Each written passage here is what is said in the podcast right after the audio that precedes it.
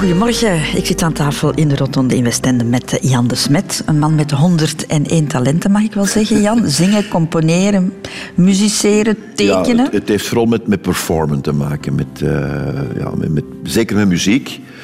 Um, en ja, tekenen is een beetje op de achtergrond geraakt. Maar uh, ik zoek heel graag het gezelschap op van tekenaars. Omdat ik die mensen ongelooflijk bewonder ook. Nog even zeggen, Jan de Smet van de Nieuwe Snaar. Natuurlijk. Ex-Nieuwe Snaar, ja. Sinds uh, maar... einde 2013 is dat uh, prachtige verhaal afgelopen. Op een hele mooie manier.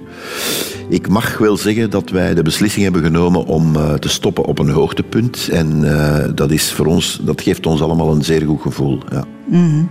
De nieuwe snaar komt uiteraard nog aan bod straks, Jan, want we gaan uh, heel jouw leven eens even ja. onder de loep nemen. Als jij er klaar voor bent. Ik ben er helemaal klaar voor, Christel. Radio 2. De Rotonde met Christel van Dijk. Ik mag vandaag ontbijten met uh, Jan de Smet, de man uh, van de nieuwe snaar.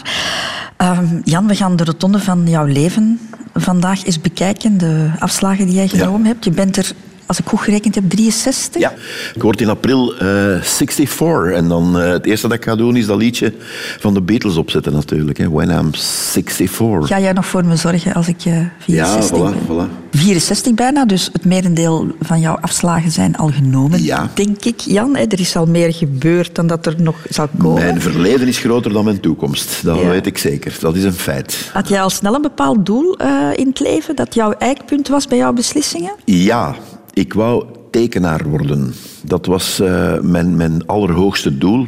Hoe of wat, tekenaar. Het was gewoon het woordje tekenaar. Ik wou aan een, aan een tekentafel zitten en tekenen.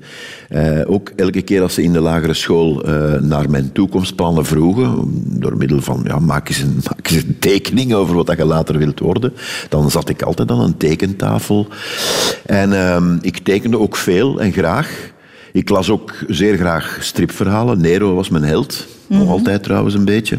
Hoe nam jij je beslissing, of hoe neem jij je beslissing in het leven, Jan? Is dat iets waar jij heel lang over nadenkt, of laat je het maar op je afkomen? De titel van het liedje van de Beatles, Let It Be, vind ik nogal... Ja, dat zou eigenlijk in mijn, in, in mijn wapenschild mogen staan. maar dan in het Nederlands, hè. Laat mm -hmm. het gebeuren. Is laat het het zo? gewoon gebeuren, ja, ja. Je bent een bekend persoon, Jan de Smet, dus jij hebt een Wikipedia-pagina. Alle bekende ja. mensen hebben dat. Ja. En bij jou lezen we dit. Jan Alfons Constantijn de Smet is geboren te Duffel op 13 april 1953.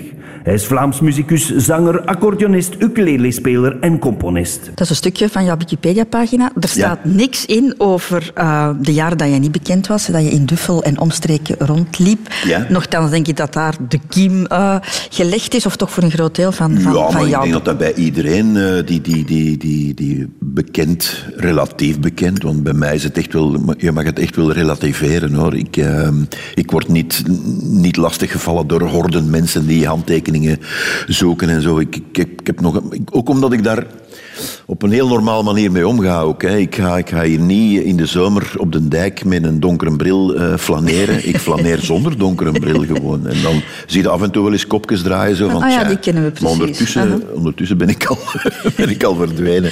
Maar goed, die periode, Ja. voordat je bekend Ja. was, is ook een belangrijk deel van jouw leven uh, Ja. geweest. We vinden dat dat toch ook een plaats moet krijgen. En Ja. dus uh, Han Koeken heeft jouw Wikipedia-pagina Ah. wat aangevuld. Fantastisch. Jan de Smet is geboren te Duffel op 13 april 1953. Jan onderscheidde zich al van kleins af aan van de anderen als muzikale speelvogel, vertelt oud-klasgenoot Tony Peters. Hij had uh, geregeld uh, kleine instrumentjes bij op school. Of dingetjes die lawaai maakten, of muziek maakten. Of uh, die je in je mond moest steken en die dan zo'n soort van kermisachtig geluid maakten terwijl je sprong. Een speelvogel met verzamelwoede. Niet alleen muzikaal, herinnert zich Tony Peters. Ik weet bijvoorbeeld op zijn kamer had hij een tamelijk grote verzameling van die kleine modelvliegtuigjes die je zo in elkaar kon plakken. Van die uh, oorlogsvliegtuigjes en andere modellen natuurlijk. Hè. Naast muziek en verzamelen was humor de derde bepalende factor in het leven van de jonge Jan, getuigt Tony. Er was altijd humor die om de hoek uh, kwam loeren. Je kon er ernstig mee praten, maar uh, het was vaak ook heel grappig. Het duurde dan ook niet lang dat onze grappige muzikale duizendpoot samen met zijn broer Chris een muziekgroepje begon. Toch was kunst volgens Chris niet de enige reden om een groepje te beginnen, maar wel... Ja, om, om, om een lief binnen te doen. Omdat we dachten, als je op het podium staat, ja, dan, dan staat je te schitteren en dan eh, komen de meisjes, vallen ze als vliegen in zwijm voor uw eh, capaciteiten. En het werkte, weet Chris. Want ze kregen een aanbod van de CM om naar Zwitserland te gaan. En het publiek daar bestond uit... 800 17-jarige meisjes. Ik dacht, eh, als, als er een hemel op aarde bestaat, is dat hier. En we hebben daar uh, toch veel adressen aan overgehouden. uh, en, en regelmatig vriendinnetjes van, van gehad ook. Ook Stef Koekoek, die samen met Jan en Chris in een band zat, heeft hilarische herinneringen aan de tijd van hun eerste muzikale exploten. Zeker toen Jan Stef kwam ophalen om een testrit te maken met zijn 2PK Tourauto. En om die 2PK stonden vroeger twee zo van die koehorentjes op de bumper. En door zo kort te stoppen, en een PK, dat geeft nogal redelijk goed door, was die onder de bumper van die voorganger geschoven. En dus die vertrok en we gingen daar gewoon weg aan. dus zijn nieuwe auto was een hele zuinige auto, want die reed zelfs zonder benzine. Jan was een geboren artiest. Hij probeerde nog even sierkunsten te studeren aan Sint-Lucas, maar de muzikale plicht riep. En met zijn twee pk'tjes stond hij klaar om het Vlaamse land te doorkruisen. En de rest is history. Ja, zo met een auto, zo met de meisjes. Ja, ja. Dat van die 2 pk was ik echt vergeten. Dank u wel, Stef. Ja, en Tony, uh, die kom ik af en toe nog wel eens tegen in Mechelen. Ja, dat is altijd een hele goede kameraad gebleven. Ik ben blij dat ik hem eens hoorde op de radio. Mm -hmm. En, en uh, hij vertelt alleen maar waarheden. Mijn broer ook trouwens. Ja. Zot van rare instrumenten, al van jongs af aan eigenlijk. Ja, maar dat, dat had te maken met... Uh, de familie waarin we geboren uh, waren. En mijn vader had ook een act als muzikale clown, dus uh, die dingen lagen daar gewoon voor het grijpen. Wij, wij hadden een huis vol instrumenten. En je bent net zoals iedereen uit die periode op de melodica begonnen, hè?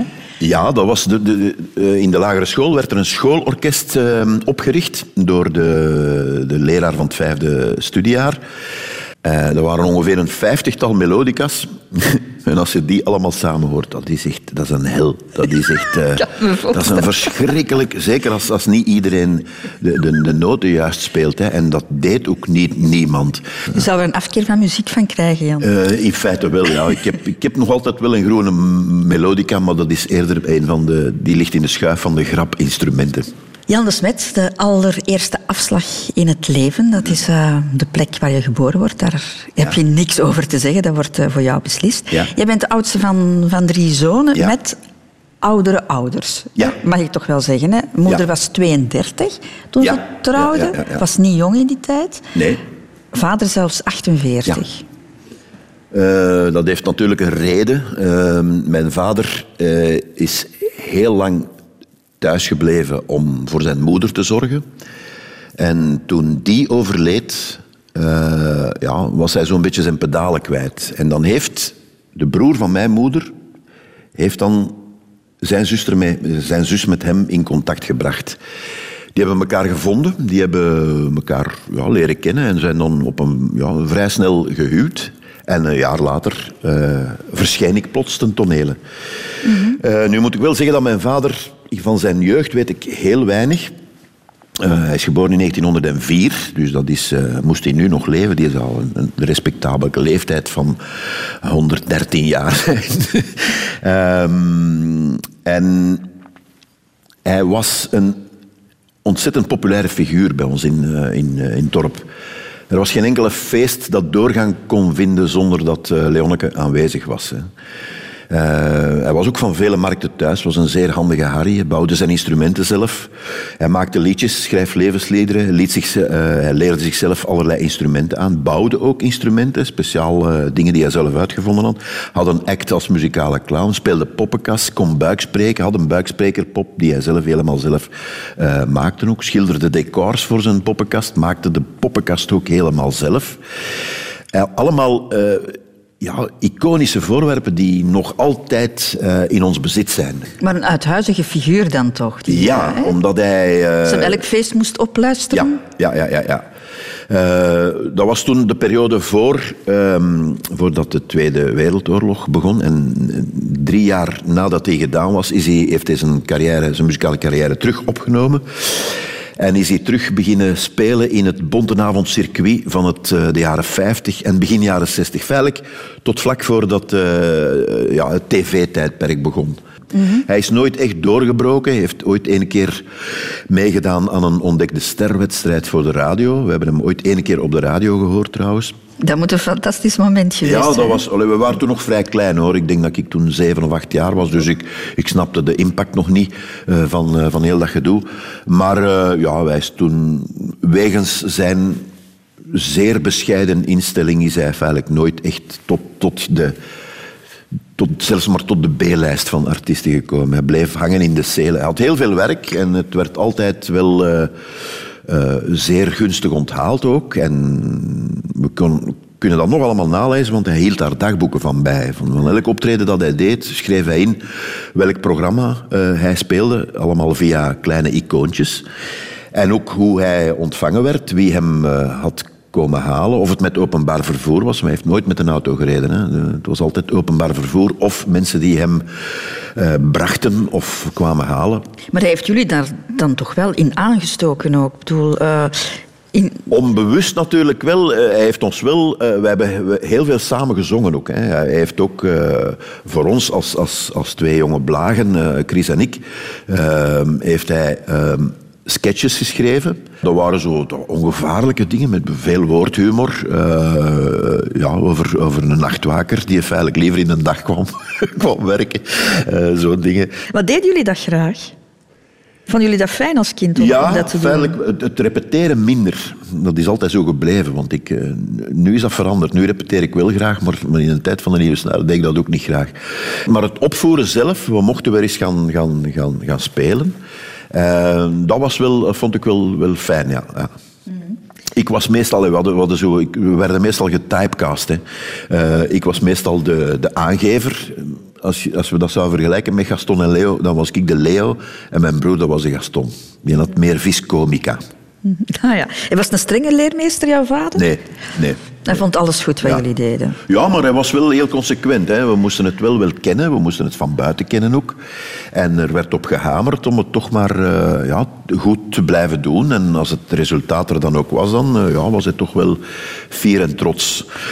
Jan de Smet, we hebben het net al uitgebreid over jouw vader gehad. Hè, man die net als jij en, en jouw broer eh, Chris een geboren entertainer was, hè, van het podium hield. Eh diegene hebben jullie echt wel meegekregen. Maar toen jij twaalf was, Ja. sterft hij Ja. heel plots. Ja. Alweer een afslag die je niet zelf kiest, maar die toch wel grote gevolgen heeft. Die grote gevolgen heeft. Maar je hebt, om te beginnen, je hebt het zien gebeuren. Hè? Ik heb het, ja, ja, we waren erbij. Eh, het was, ehm, het was de, de week na mijn plechtige communie. ehm, gingen we een reisje doen naar Antwerpen. Dat Was toen, dat, dat heette toen een reisje naar Antwerpen.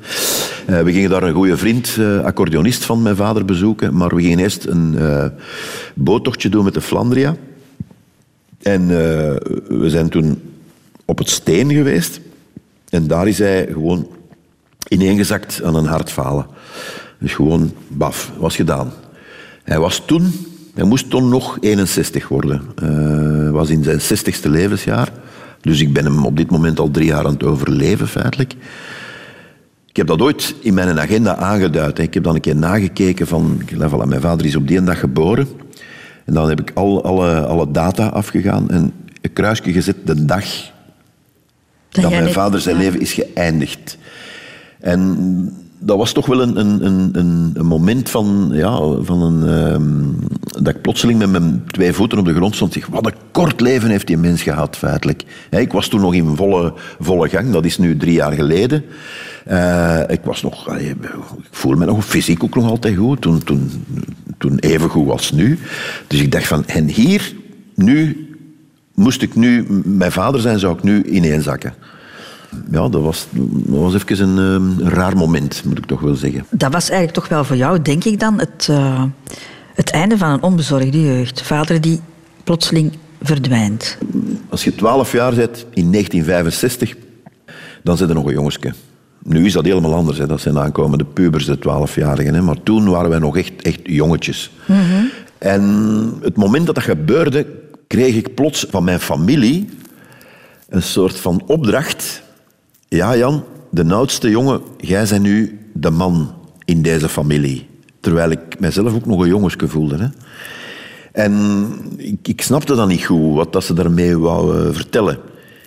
En ja, mijn moeder die, die verging natuurlijk van verdriet, want ze hebben elkaar ook maar twaalf jaar gekend, twaalf jaar en half. En ehm, die heeft een, een, feitelijk haar leven lang is die in dat rouwproces blijven zitten. Die heeft dan nooit helemaal echt kunnen aanvaarden dat ze, dat ze, dat ze zonder echtgenoot, zonder die, die, die lieve man die hij toch wel was, dat ze dat leven heeft moeten verder zetten. Zij heeft tegen ons altijd gezegd, gelukkig heb ik mijn geloof, daar, daar kan ik mij aan optrekken. Maar zij wou... Zij vroeg van ons om dat ook te doen. En wij, wij zagen dat niet zitten. Maar je zei, ik kreeg van mijn familie plotseling Ja. een verantwoordelijkheid. Van, Ja. Jij bent de oudste. Ja. Hoe- In welke Ja, zin dan? Als oudste kreeg ik plots de opdracht om eh, mijn moeder ook een klein beetje te ontzien, hè, want die had het al eh, moeilijk genoeg. En om, om, ja, om mijn verantwoordelijkheid op te nemen en, en, en te zorgen dat, eh, ja, dat alles in die familie ook terecht... We kregen wel heel veel hulp van, van eh, de, de andere familie, van mijn, eh, de, de broers van mijn moeder en mijn vader en de zusters. Maar die hadden ook allemaal grote families. Hè. Dat waren allemaal katholieke families die heel veel kinderen hadden. Dus, mm, het gemiddelde was zeven. Bij ons was het eh, ja, drie, omdat, omdat ze laat begonnen zijn natuurlijk. Ja, ja, ja. Vond jij die drukte zwaar voor jou toen, op dat ogenblik? Wel, daar heb ik het moeilijk... Ik, ik heb dat feitelijk nooit echt helemaal eh, tot mij laten doordringen. Ik heb gezegd van... Oké, ja, ik zal, ik zal dat doen eh, in, in de mate van het mogelijke. En ik heb daar toch wel een soort ja, een verantwoordelijkheidsgevoel gekweekt ook. Wat, ik, wat nu nog altijd van pas komt. Ook, ook als ik eh, helemaal, als ik bijvoorbeeld met een nieuw orkest eh, begin of een nieuw groepje samenstel om, om een bepaald ding te doen, dan neem ik ook de volle verantwoordelijkheid om iedereen zo goed mogelijk te informeren, om alles zo goed mogelijk eh, in orde te brengen en zodanig dat die gasten alleen maar moeten komen spelen. Dus jij blijft eigenlijk altijd de grote broer. In wat dat je het ook Ja, doet. dat is, ik denk dat alle grote broers dat... eh vraag dat maar aan, aan, eh, aan Raf Walschaerts ook. Die zal dat ook wel hebben tegenover zijn broer en zijn zus. Dat hij echt altijd... Dat gerookt er nooit niet meer vanaf. Dat, dat klopt. Zou je leven er anders hebben uitgezien, Jan? Mocht je vader niet overleden zijn op zo'n jonge leeftijd? Ik denk van wel, ja. ja. Ik denk dat dat toch een, een, een afslag geweest is die, eh, die heel bepalend geweest is. Ja. In welke zin? Ehm, dat ik misschien veel minder snel eh, mijn verantwoordelijkheid zou genomen hebben. Dat ik het allemaal aan mijn vader had overgelaten. Voilà, eh, zorg, jij, jij doet dat goed, zorg, mij, zorg maar voor mij. En eh, misschien had ik dan wel veel langer gestudeerd. Dat kan heel goed zijn. Om een of andere reden ben ik ermee gestopt. dat heeft heel veel, heel veel redenen. Maar daar heb ik absoluut geen spijt van. Dat ik, is maar één ding waar ik echt een, beetje, ja, eh, een beetje spijt van heb. En dat is dat ik niet echt de muziektheorie heb geleerd. Dus het notenlezen, dat is bij mij eh, bijna onbestaande.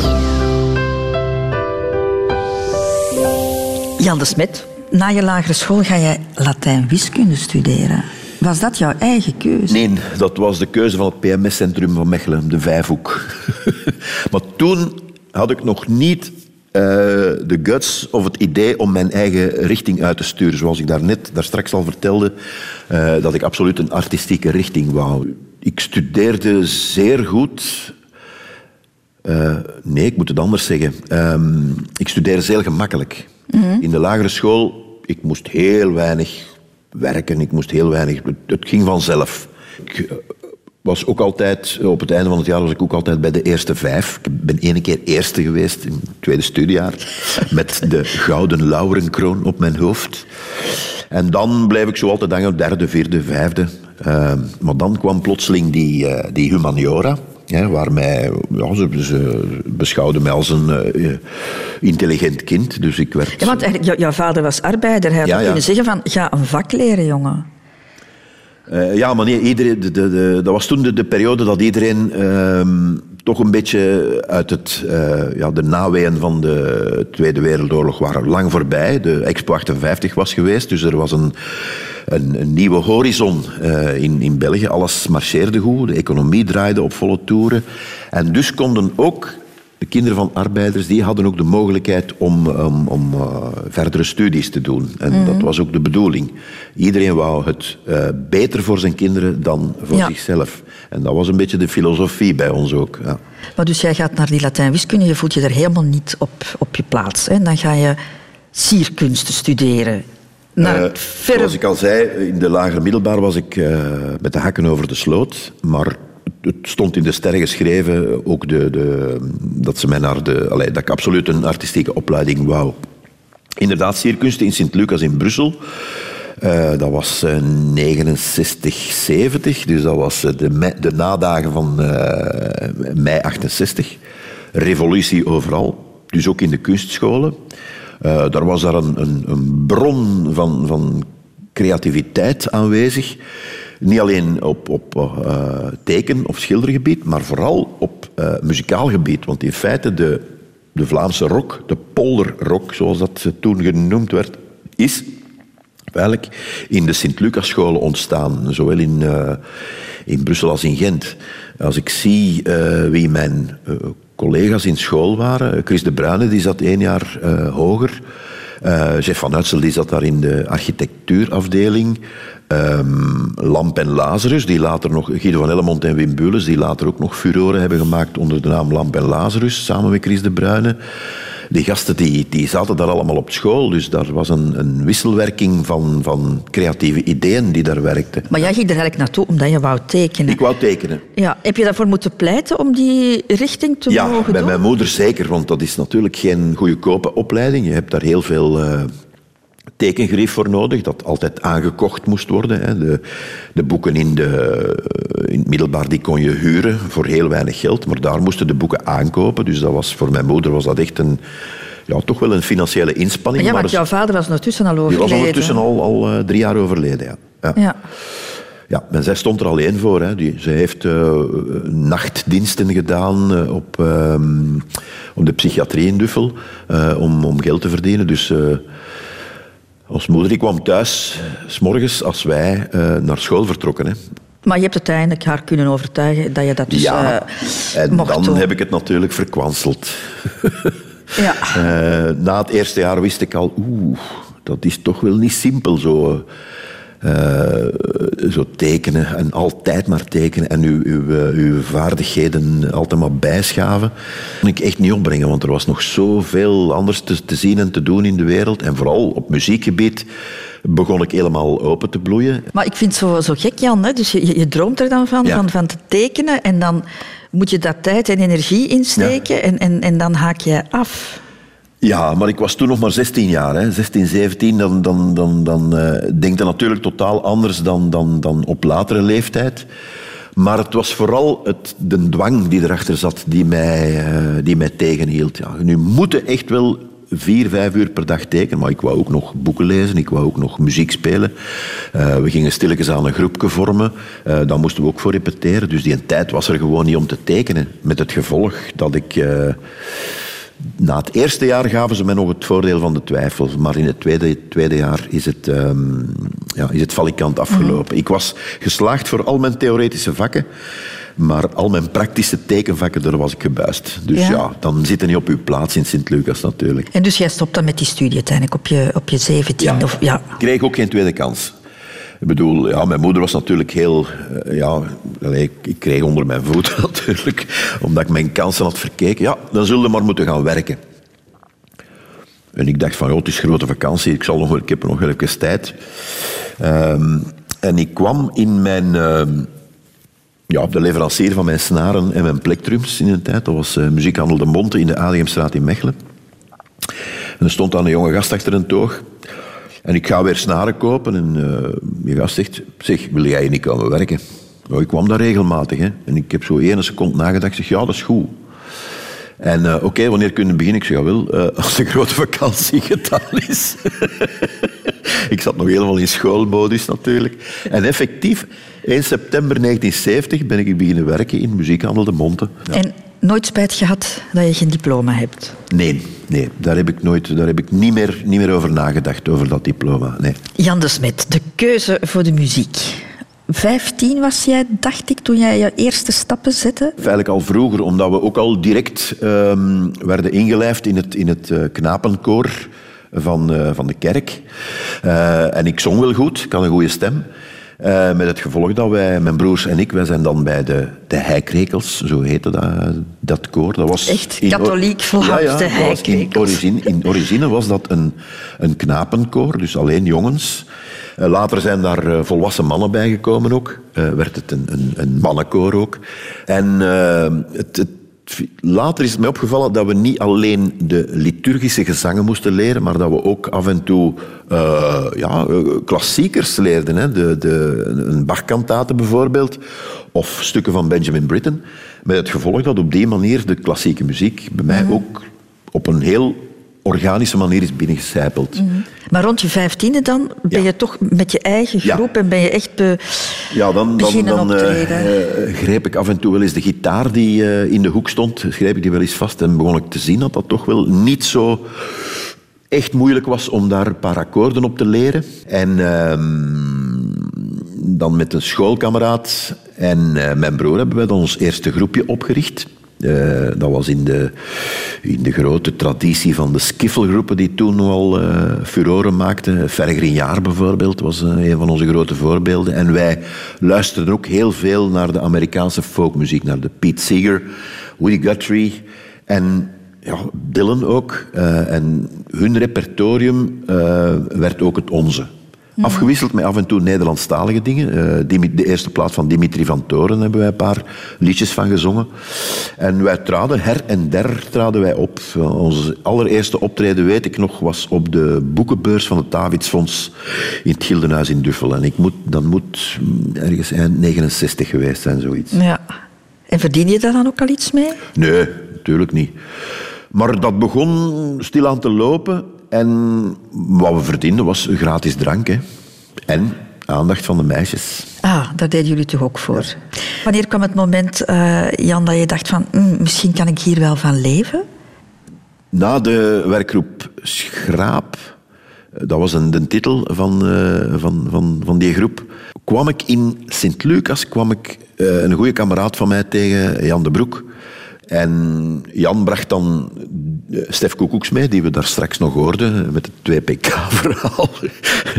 en ehm, mijn broer en ik en Jan en Stef, wij zijn dan de groep De Snaar begonnen, omdat wij vooral snaarinstrumenten speelden. Gitaren, banjo's, mandolines, viool. Ehm, mijn broer speelde percussie en fluiten, eh, omdat we toch een klein beetje andere klankkleuren wilden ook.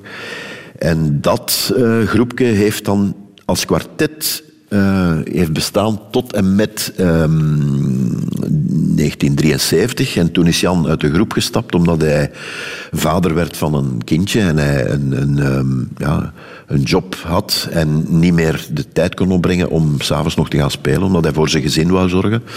Dan zijn we als trio verder gegaan en dat is echt serieus beginnen groeien. Eh, vanaf 78, 79 hebben we heel veel internationaal gespeeld op de, op de folkfestivals die her en der in Europa uit, uit, uit de grond schoten. En dan na elf jaar de snaar was dat verhaal op. En hadden we ook weer het gevoel dat we in een cirkeltje aan het draaien waren, dat we al die circuits al een keer hadden eh, gedaan. En dan is de nieuwe snaar begonnen. En de nieuwe snaar is feitelijk ontstaan onder impuls van de visuele theatergroep Radijs, waar Jos de Pauw en Dirk Pauls en Pat van Heemrijk in zaten. En met hen hebben we samen een, een tour gedaan. En Jos zei, hetgeen dat jullie doen met muziek, zouden feitelijk... Jullie zouden doen met muziek wat wij met, met theater eh weten doen. Gewoon het, het veel visueler maken, er, er, er van allerlei elementen bijbrengen. En we hebben, dat, eh, ja, we hebben die uitspraak op onze kracht genomen en we, hebben er, we zijn eraan begonnen. Nu, ah, we gaan heel jouw carrière niet overlopen, Jan, want dat is Ja. eigenlijk allemaal... Het is, het, is, het is nogal veel, maar jouw grootste succes was met de Nieuwe Snaar. Ja, Buitenland succes ook, hè, ja, Frankrijk. Italië, waar heb je allemaal Maar dat is gezeten? een, een, een, een heel gestaag groeiend succes geweest. Dat is er niet in één keer gekomen. hè. Maar je had ook groter kunnen worden. Bijvoorbeeld in Frankrijk was er nog heel veel, waren er nog heel veel mogelijkheden, maar dan moest je daar ook een tijd gaan wonen. En dat doe jij dan niet. Nee, nee dat, was ook, dat was buiten... Ja, ondertussen hadden we ook, eh, waren er ook al kinderen hè, bij iedereen. Wij hebben gekozen voor, ja, uiteindelijk voor, ook een beetje voor onze familie natuurlijk. Hè. Anders hadden die mee naar Frankrijk moeten verhuizen. En dat, dat was echt helemaal, dat was uit een boze. Dus eigenlijk de familie, het, het familiale leven, is voor jou altijd even belangrijk geweest dan, dan, dan Absoluut, die, ja, dan ja. die Als je de carrière. verantwoordelijkheid neemt om zo'n familie te stichten, dan eh, ben je natuurlijk ook eh, ja, feitelijk verplicht om daar zo goed mogelijk voor te zorgen. En om die het leven zo gemakkelijk mogelijk te maken. Mm, En daar heb je ook geen spijt van, dat je die buitenlandse route niet Absoluut met beide niet, handen nee, hebt aangenomen. Dan hadden wij misschien wel eh de grand vedette geweest in eh, La Douce France. Alhoewel, dat ik dat toch niet geloof. Ze. Nee. Ik vind dat ook niet nodig. Ik bedoel, Nee, eh, zand in eigen land. Ja. ja. Nee, ik heb nog altijd het, het, het, zo, zo van... We hebben, we hebben grote zalen gespeeld. Hè. We hebben in Olympia gestaan. We hebben in, in, in Bern voor 15.000 mensen gespeeld. Maar uiteindelijk speelt het toch altijd maar voor de mensen dat je ziet zitten. Degene die de eerste twee, drie rijen. Degene die je in hun ogen kunt kijken. En daarom dat ik zo graag kleinschalige soloprogramma's doe. Omdat ik daar bijna iedereen in zijn ogen kan kijken en kan vertellen wat ik, wat ik wil vertellen ook. Je blijft een beetje de jongen uit Duffel, hè, Jan? Eh, dat is nooit weggegaan. Ja, dat klopt. Ja. Jan de Smet, we zullen het eens hebben over de liefde. Je komt uit een gezin van drie jongens. Ja. Je bent eigenlijk opgegroeid tussen jongens op school, Ja. jeugdbeweging Ja. allicht ook. Waar kwam jij meisjes tegen? Ehm, als er gemengde werkingen werden georganiseerd in de Giro. Dat was af en toe bij, de, bij, de, bij de, eh, de, de Aspies, of weet je dat toen? Ja, de, de, de 15, 16-jarigen.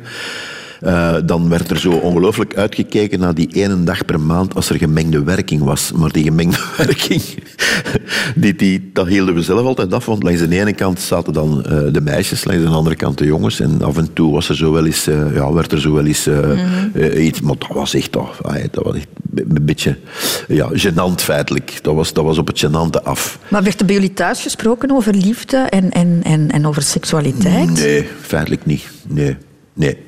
Dus je hebt het allemaal zelf moeten ontdekken? Ja, ja, ja. Af en toe kwam er zo eens een keer een almoezenier. Eh, want mijn moeder was ook eh, hoofd geworden van de weduwewerking te Duffel. En dan, die hadden een almoezenier nodig. En die nam mij dan apart. En die vertelde dan van alles. Maar ik vertrouwde dat niet, dat spel. en terecht. Dus je hebt geen seksuele opvoeding gehad thuis? Eh, nee. Nee. Eh, ja, ik heb ze wel gehad, maar ik heb ze zelf gezocht en gevonden. Hè. Af Ja. en toe vond je zo een keer boekjes in de berm die weggegooid waren. En dan eh, ja, dat was het grootste plezier om die dan te vinden. Dat was allemaal heel... ja. Maar meisjes, dat was iets onbereikbaar voor jou eigenlijk? ja, alhoewel dat het toch wel begon te, te, kriebelen natuurlijk. Hè. En, eh, ja, er waren toch af en toe wel eh, ja, meisjes waar dat je toch zei van... Ja, die wil ik wel eens beter leren kennen. Maar ik, ik was zo schuchter en zo bescheten toen dat ik het gewoon niet durf.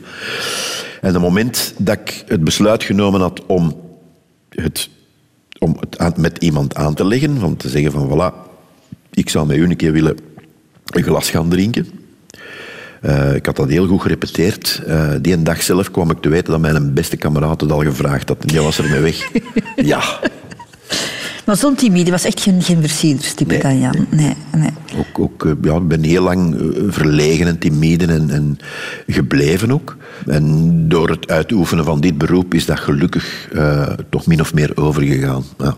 Maar hè, uiteindelijk is jouw liefdesleven wel een succesverhaal geworden, Jan. Want je hebt Ja, je vrouw heb- leren kennen rond je twintigste, begin, begin Ehm, twintig? ik, was, ik was 22. Ja. Mhm. Dat was in, eh, in, in, in 75, ja. Op een bepaald moment ging ik in het Gildenhuis in Duffel een glas drinken en zat daar in een hoek ergens een groepje van vier 17, 18-jarige meisjes die net een concert hadden bijgewoond van eh, de groep Rum in Kontig, in een jeugdhuis in Kontig.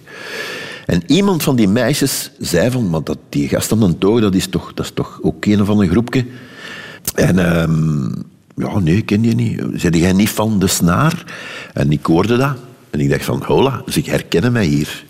En ik ben naar dat tafeltje gegaan en ik heb gezegd, aha, zeg, hoor ik mijn naam hier vermelden? Op een heel andere manier natuurlijk, ik weet niet meer wat ik toen gezegd heb. Maar er was er daar eentje bij die mij, ja, die, die, die mij intrigeerde. Eh, ja. En ik weet nog dat ik die avond, dat ik ervan gedroomd heb toen. het is echt wel een, een mooie liefdesroman. En ehm, ja, dan heb ik toch getracht eh, van te weten te komen wie dat, was. Waar dat ze naar school ging. Ze ging in Duffel naar school. En mm, dan heb ik ook geprobeerd om, eh, ja, om, eh, om haar zoveel mogelijk tegen te komen. En op een bepaald moment, eh, ergens midden april, was er in eh, de verpleegsterschool een, eh, hoe noemen ze dat, een open podium, waar dat iedereen die wou, mocht daar een paar liedjes gaan zingen. Dus ik schrijf mij in, omdat ik weet dat zij daar ook op school zat en dat ze daar vermoedelijk wel aanwezig zou zijn. En effectief, die zit daar op de eerste rij, dus ik ben al, ik weet niet hoe zenuwachtig. en eh, ik ga, het is aan mij, ik ga het podium op, probeer mijn eerste liedje in te zetten, maar ik zie ze niet meer. En ik doe ze naar, naar haar vriendin. Zeg, al wel, waar is, waar is eh, we kennen haar naam nog niet. Eh, waar is uw vriendin? En die ja, maar die is even gaan plassen. Ik zeg, oké, dan heb ik echt heel lang mijn gitaar gestemd. Totdat ze terugkwam. En dan heb ik echt ehm, voor haar eh, een liedje gezongen, diep in haar ogen gekeken. En geprobeerd van ze daarna nog te zien. Dat is gelukt. En ik heb toen gevraagd van, ja, ik wil u wel beter leren kennen. En ze zei, ja, maar ik heb feitelijk al een vriend. Ehm, ik zeg, oei. Maar dan heb ik toch die avond nog een briefje geschreven, dat mijn vriendin mij haar meegegeven. En drie dagen later eh, waren we een paar. Ja, dus was dat eigenlijk was dat iets dat jij meteen voelde van... Ja. Was dat anders dan bij Ja. andere meisjes? Ja, ja, ja. Ik ben een paar keer echt wel heel zot geweest van... van, eh, van, van het waren altijd prachtige meisjes. En eh, de, deze, die had nog één ster meer, feitelijk. En eh voilà, ja. En daar ben je dan bij gebleven. Ja, ja. Volgend jaar eh, vieren we onze 40ste huwelijksverjaardag. Het is wel eens fijn om iemand aan mijn tafel te hebben die niet gescheiden is of die het niet moeilijk heeft Ja, gehad in, ja. in de liefde. Want ja. ja, ik kom hier toch wel heel veel mensen tegen die eh, worstelen Ja. op dat gebied. Er is werk aan natuurlijk, aan zo'n relatie. Hè. En dat gaat met ups en downs en dat is in goede en kwade tijden. Maar je moet feitelijk de chance hebben om, ik zeg het een beetje oneerbiedig, om een topwijf tegen te komen. En daar mag ik van, eh, van mijn vrouw wel zeggen. Ja. Mhm, want jij was ook veel weg, hè Jan? Ja, Eh, inderdaad. eh, ik heb mijn kinderen feitelijk, zeker in het begin, lezen opgroeien. Zij hield dagboeken bij van wat er... Als ik weer... Ja, een, een Franse tournee duurde altijd drie weken. Dus dan waren wij drie weken onderweg. En ondertussen, op, als ik zie nu wat er, wat er, wat er met mijn kleinzoon op drie weken kan gebeuren, dan, dan dat groeit echt ongelooflijk. Die verandert met een dag. Dat heb ik toen allemaal niet gezien, maar ik heb het wel gelezen. Want eh Annemie eh, die, die, die, die hield de dagboeken bij. En ehm, ik heb dus kunnen lezen hoe mijn kinderen groot geworden zijn. Allee, sommige, sommige fases van hun leven natuurlijk. Hè. We hebben het daar straks al over jouw vader gehad. Je hebt die, jouw vader heel vroeg verloren. Jij was er twaalf, hij Ja. was zestig. eh. Ja. Je hebt hem dus niet echt goed gekend. Nee, ik heb hem ook heel weinig dingen kunnen vragen over zijn jeugd. Hè, omdat je daar niet mee bezig bent als 12-jarige. hè. Zo als 17, 18-jarige wil je dat toch wel eens weten. Uit welke, ja, uit welke roots dat jij geboren bent. Maar dat heb ik hem niet kunnen vragen. Maar daar zijn dingen die, eh, die naar boven gekomen, om een of andere reden. Ik heb ooit een foto gezien van mijn vader. En bleek dat dat een foto was uit 1943, waar hij toen eh, bij de Vlaamse wacht was. En dat fenomeen is uitgespit geweest door het prachtige programma Verloren Land. Dus om het even con- concreet Ja. te stellen, Ja. jij bent eigenlijk op latere leeftijd, na zijn dood, ben Ja. jij te weten gekomen dat jouw vader een, een zwart verleden Ja, had. ja, ja. En nogal, ja, nogal redelijk zwart. Gecollaboreerd ja, ja, ja, ja. ja, niet alleen collaboreren, maar, maar vooral ook, eh, ook eh, wapens gedragen. Hè. Maar op een bepaald moment was er een eh, opdracht van de Duitse bezetter dat er eh, mensen werden gezocht om eh, bepaalde eh, opslagplaatsen te bewaken. De Vlaamse wacht werd opgericht in het kader van het VNV, het Vlaams Nationaal Verbond, wat in wezen feitelijk een pacifistische organisatie was. Ehm, en mijn vader is daartoe eh, toegetreden omdat hij door een dorpsgenoot van hem eh, er werd aangezocht. Leon, jij kunt die gasten goed liederen aanleren en jij kunt muziek spelen. Dus voilà, wij vragen u om dat een keer te komen doen. Dat is op het voetbalveld daar en voilà, daar wordt dat dan. Hij deed dat dan ook. Eh, maar toen hij daar dus als, als soort koorleider werd uh, geëngageerd, zag hij ook dat die gasten, Vlaamse wacht, dat die daar uh, loon verdienden dat drie keer hoger lag dan het uh, gewone loon van een arbeider tijdens een oorlog. En hij zegt van, ja, als ik dat nu zou doen, dan kan ik mijn moeder nog beter verzorgen. En hij heeft zich dus aangesloten bij de Vlaamse wacht. Om economische redenen Om, dan? Ja, economische redenen. Maar hij was natuurlijk ook wel... Hij had wel een, allez, een Vlaamse inborst. Hij was, uh, ja, hij was na de Eerste Wereldoorlog, die hij toch wel als, als jongetje heeft meegemaakt, uh, heeft hij ook die verhalen gehoord van de, de, de, zal ik het zeggen, de discrepantie tussen de legerleiding en de Vlaamse jongens die daar feitelijk de bevelen niet verstonden. Hij heeft dat ook allemaal... En dat was zo'n heel beweging, de activisten die dat uh, hebben opgezet. En um, het was zo'n beetje de combinatie, denk ik, van voilà... Duitse bezetting die gaat zorgen dat Vlaanderen onafhankelijk wordt. Allee, dat was zo'n beetje het dogma. Maar ook, dat was ook een rat voor ogen draaien, want dat was helemaal niet de bedoeling. Maar dat was de enige informatie dat je kreeg ja. ook toen. Maar hij heeft ook wapens gedragen. Ja, hij heeft, hij heeft zelfs op een of andere manier, zonder dat die jongens dat zelf wisten, ging die Vlaamse wacht over in de, in de Luftwaffe. Dus hij heeft dus het, het veldgrauw-uniform, uh, het, het grijze uniform van, van de, gedragen. En heeft een brug verdedigd in Germersheim. Dat weten we allemaal via dat mooie programma. En op het einde, toen alles, uh, ja, toen heel die situatie ineenstortte, werden die gasten aan hun lot overgelaten. En ja, werden ze dan ook binnen de kortste keren opgepakt. En heeft hij ook uh, twee jaar en een half cel gedaan in, in Sint-Gilles, tussen alle andere collaborateurs. Maar op een of andere manier had hij zo'n soort um, levenslust dat hij daardoor geraakt is met een soort optimisme. Hij heeft in die, cel heel veel liedjes geschreven, meestal van een, met een heel optimistische uh, inslag. Heeft feitelijk zijn gevangenisleven helemaal in cartoons getekend. Dus we kunnen dat helemaal volgen. Dat, zijn, dat waren tekeningen die wij niet begrepen, want die, die, ik heb ze nog altijd, die, die liggen er nog altijd. Ik begreep die niet. Ik zeg, ons vader heeft ooit in de gevangenis gezeten, maar waarom? Waarom, waarom, waarom, waarom? En mijn onkels die wilde dat ook niet vertellen. Maar je bent dat dus op latere leeftijd te weten gekomen, ja. Jan. Uh, ja. Maar je hebt toen de keuze ook gemaakt om dat niet weg te steken. Nee. Want je hebt dan meegewerkt aan dat, ja. uh, aan dat, aan dat programma Absoluut, ja, Verloren Land. bedekt kunnen, maar... maar ja, je had, je had dat eigenlijk... Maar we hebben dat, ik heb dat wel met mijn broer en ik we hebben dat wel serieus afgesproken. En mijn, mijn broer heeft het, heeft het in een dagboek gegoten die, die heel leesbaar is, die ook verschenen is in het uh, blad van de Heemkring. Dus uh, veel andere duffelaars hebben dat ook gelezen. Maar waarom wou je dat bekendmaken? Omdat er hier nog altijd, omdat die, die naoorlogse periode, die leeft nog altijd ongelooflijk door bij heel veel andere mensen, bij heel veel andere families. En dat zorgt voor heel veel uh, ruzie en ambras uh, van mensen die zeggen van je hebt de verkeerde keuze gemaakt, terwijl die rollen daarin, die gasten. Dan. En feitelijk, de, de, de, de grootste, hoe zal ik het zeggen, uh, de grootste stimulans was, we hebben op de laatste draaidag uh, in het Justitiepaleis in Brussel hebben wij een uh, gesprek gehad met professor Luc Huizen, die die materie, die daar heel veel boeken heeft over geschreven, die die materie ook heel goed kent.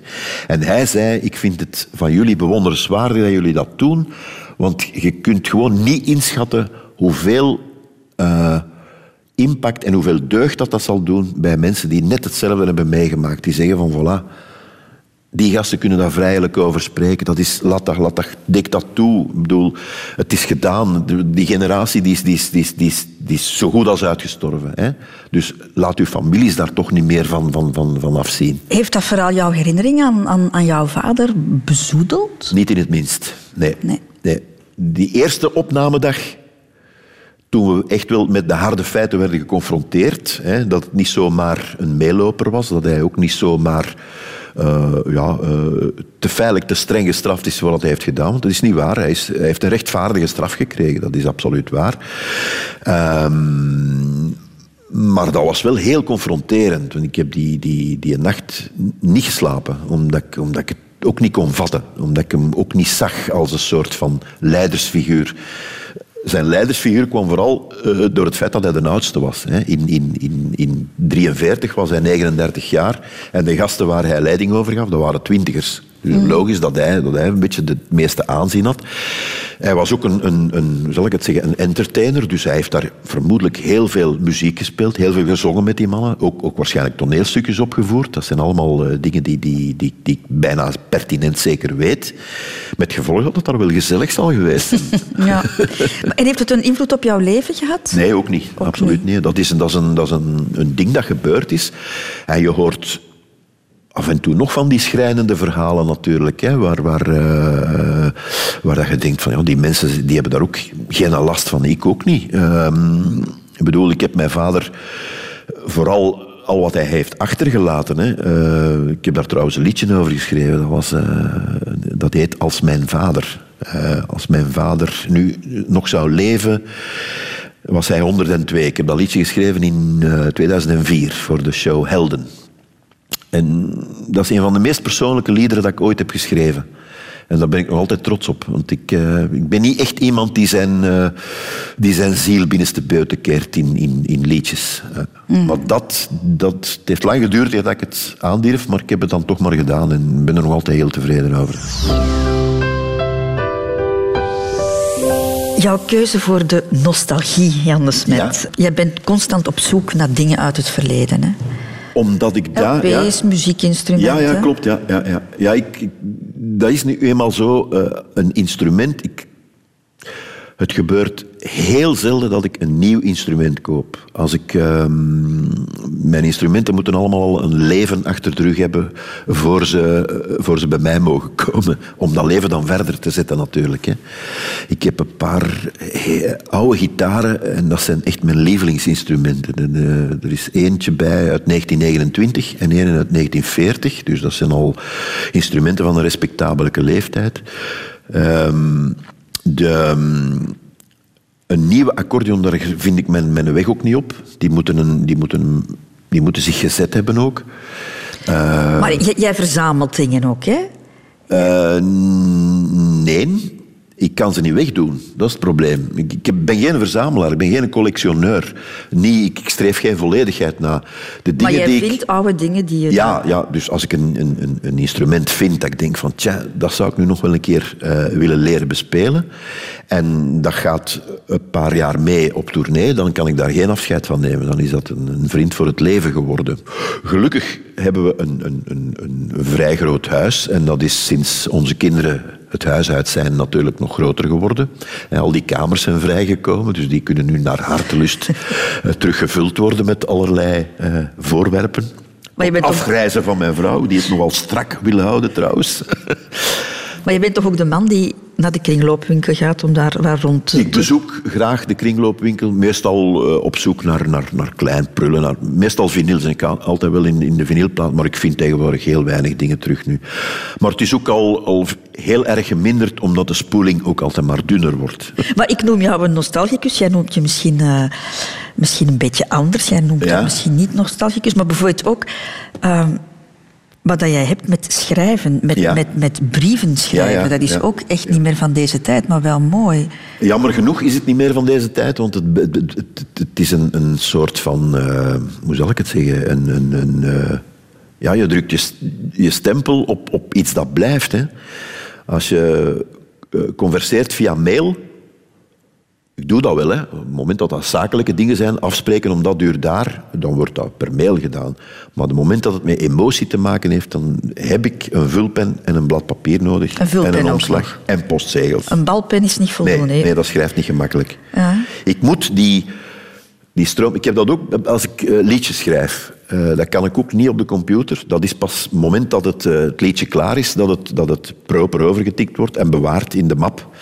Maar de, de origines, dus het, het schrijven zelf, gebeurt... eh voilà, ik heb hier weer zo'n boek bij. Meestal zijn ze groter van formaat, maar eh, dus in, in een A4-formaat. en daar wordt geschreven en vooral ook veel geschrapt. Maar het voordeel daar is, eh, dus je hebt je liedje klaar en er zijn nog dingen die niet, die niet kloppen. Dan kun je ook nog onder je schrappingen zien wat dat je daar eerst had geschreven. En soms komt dat beter terecht als het liedje af is, Ah, ja. eh, dan dat je het nog ziet staan. Op het moment dat je delete op je tekst, dan zet het kwijt. Dan weet het niet meer en dan herinnert je je ook niet meer. Maar dan daar je het nog staan. En dus ik heb boeken vol met, met, met in allerlei verschillende kleuren inkt ook. Hè. Maar dat brieven schrijven, Jan. Ja. Als je een brief schrijft, moet je lang nadenken. Hè?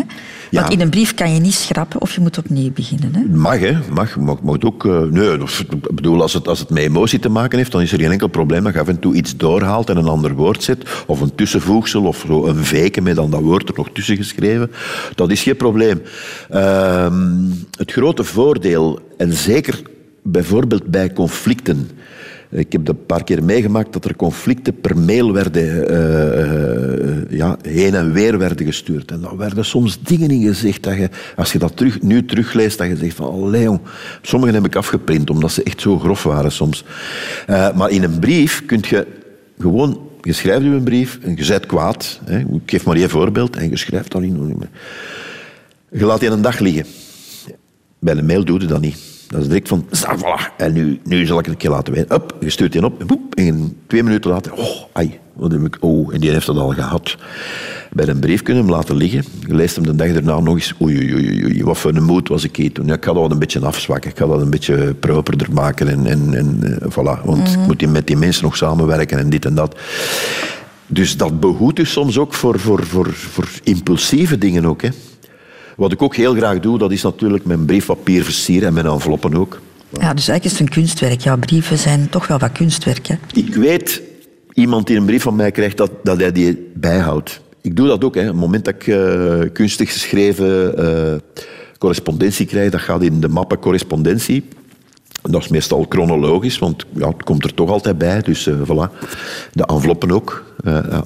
Ah, ik heb een paar eh, vrienden en vriendinnen die heel mooi hun eh, omslagen kunnen versieren en waar ik dus heel graag mee correspondeer ook. Ja. Veel mensen zeggen, ja, dat, is, dat is allemaal tijdverlies. Maar nee, voor mij is dat een soort zenmoment. Dan zijt je alleen maar bezig met de correspondent waar dat je mee wilt converseren en ook met het onderwerp dat je wilt vertellen. Maar als iemand een brief van jou krijgt, eh, Jan, dan heeft dat heel veel waarde. Want dat betekent dat je echt met die persoon bezig geweest bent. Eh, ja, of dat nu heel veel waarde heeft, dat is inderdaad waar. Dat is, dat is zo van... eh, voilà, je, je doet daar moeite voor. Voor iemand moeite doen is altijd een, een, een, een heel mooi uitgangspunt om, om, ja, om, om feitelijk een vriendschap te doen ontstaan ook, of, of te behouden. Laatste afslag. Jan de Smet, meestal sneller dan een mens wil. Ehm, doodgaan, hè. Ehm, heb jij daar schrik van? Nee. Nee, want dat past in, in de let it be-filosofie, hè, die ik in het begin al, eh, al heb. eh, nee, ik heb daar absoluut geen, ehm, geen enkele... Het moment dat het gebeurt, weet ik het toch niet meer. Dan is het bam, gedaan. En dan zullen we... Ja, dan weet ik het ook niet. Hè. Eh, er zijn, er zijn alle theorieën met, over. rijstpap met gouden lepeltjes, daar Nee, geloof jij nee, niet nee, meer in. absoluut niet. Nee, ik denk dat het echt gedaan is. Ja. Afscheid moeten nemen, Jan, is misschien veel moeilijker dan je eigen afscheid. Ja. Ehm, hebt het al een paar keer moeten doen, afscheid nemen van vrienden uiteraard, maar eh, ook eh, dichterbij van, van jouw vader toen je twaalf was. Ja. Maar ehm, elf jaar geleden ook van, van jouw jongste broer, hè, van, van, van Koen, die uit het leven Mhm. gestapt is. Wat denk ik voor de nabestaanden de meest verschrikkelijke Dat is eh, absoluut een feit. Dat was natuurlijk veel... had veel meer impact eh, dan het overlijden van mijn vader. Om, ja, ik was toen nog heel, heel jong. Eh, maar eh, dit heeft er echt wel ja, ingehakt in de familie ook. En dan vooral bij mijn vrouw ook, omdat zij was eigenlijk zijn, min of meer zijn beste vriendin. En... ehm, ja, dat, dat, waren echt, dat zijn echt heel moeilijke tijden. Toen, toen, ehm, en we hebben het eh, uiteindelijk begrepen eh, waarom het gebeurd is. En dat heeft heel, heel erg veel te maken met, het, het, het, ehm, ja, met zijn, de manier waarop hij eh, is opgegroeid. Hè. Ehm, feitelijk, hij was nog maar zes toen hij zijn vader verloor. En is met twee broers die dan eh, feitelijk al een generatie ouder waren. Hè, want eh, wij waren vier en vijf jaar ouder dan hem. Met gevolg dat wij al een, ja, stilletjes aan een carrière hadden, terwijl hij nog op school zat. En dat zijn allemaal elementen die hebben meegespeeld ook. Ehm, Ja, jullie waren ook close. Jij en, en ja, Chris ja, waren ja, ja. en hij was misschien... Omdat we generatiegenoten waren ook natuurlijk. Hè. En hij ja, liep er altijd een beetje... Ja, het was zo de, het jongste broertje. Waar we wel goed voor gezorgd hebben en zo. Maar ook af en toe ja, was dat zo van... Ja, Zeker als puber, het interesseert u niet hè, wat dan een twaalfjarige doet. En die- ja, die elementen en nog veel andere dingen ook. Hè. Het, is echt, het heeft echt heel erg te maken met een, met een, een, een, heel lange, hoe zal ik het zeggen, een heel lange eh, levens, levens- en lijdensweg. En wij hebben begrepen dat het onvermijdbaar was. eh, eh, wat hij toen gedaan heeft. Heeft hij meer dan jullie geleden onder het verdriet van, van jouw moeder? Ik denk dat wel, omdat hij ook heel lang... eh, hij kon ook niet weg. Hè. Hij nam ook dan, toen wij weg waren, nam hij de verantwoordelijkheid eh, om voor zijn moeder te zorgen. En dat is echt... Dat was een... eh, ja, voor onze moeder te zorgen, ik zal het zo zeggen. En dat was echt een... ja, dat is natuurlijk een zware last. En ehm, dat heeft daar heel, heel, heel erg in meegespeeld. Maar het was een, ja, een onon- onontkoombaar gegeven. Dat hebben ook eh, mensen, specialisten uit de psychiatrie, hebben ons dat ook verteld. En wij hebben daar vrede mee genomen. Eh, niet dat we er al klaar mee zijn, maar eh, bedoel, het blijft, blijft mee. Het blijft tot het einde van onze dagen blijft het ons jongste broertje. Maar ehm, ja, dat hij er niet meer is, dat is, dat is ontzettend jammer. Jan de Smet, hartelijk Ja. dank om eh, samen met mij te ontbijten. Het was een ervaring. Het was een ervaring. Ja, absoluut, ja. Eh, met Ja. zicht op zee. En zonder snorkel deze keer. Ja. Want die heb jij toch meestal bij als je een water beetje ziet, hè? diffuus zicht op zee, want de mist hangt hier wel over de Noordzee, moet ik zeggen. Mhm. ja. We zien elkaar binnenkort alweer terug, Ja. Jan, in Oostende voor de Eergalerij, Ja. waar jij de trofee En Leven voor Muziek krijgt. Het is nog steeds niet doorgedrongen dat ik eh, die ongelooflijke eer aan mij te beurt is gevallen, maar eh, ik zal ermee leren leven. We gaan er een feest van maken, Jan. Nog één ding. Ik zou, nog, ik zou het heel fijn vinden mocht je nog iets in mijn gastenboek schrijven. ja, dat is goed. Rotonde. Mocht er ooit een van onze getalenteerde filmmakers zijn die het overweegt om een remake te maken van Lucino Visconti's prachtige film Dood in Venetië, dan is dit de geschikte locatie. Ik wil dan zelf wel de rol van Dirk Bogart op mij nemen, maar dan wel ten onder gaan aan de melancholie voor de liefde van een mooi jong meisje. Daar staat dan een asterisk en die asterisk verklaart het volgende. Graven in het eigen verleden ontwikkelt soms rare gedachtenkronkels. Bedankt Christelenko voor deze opportuniteit. Jan de Smet.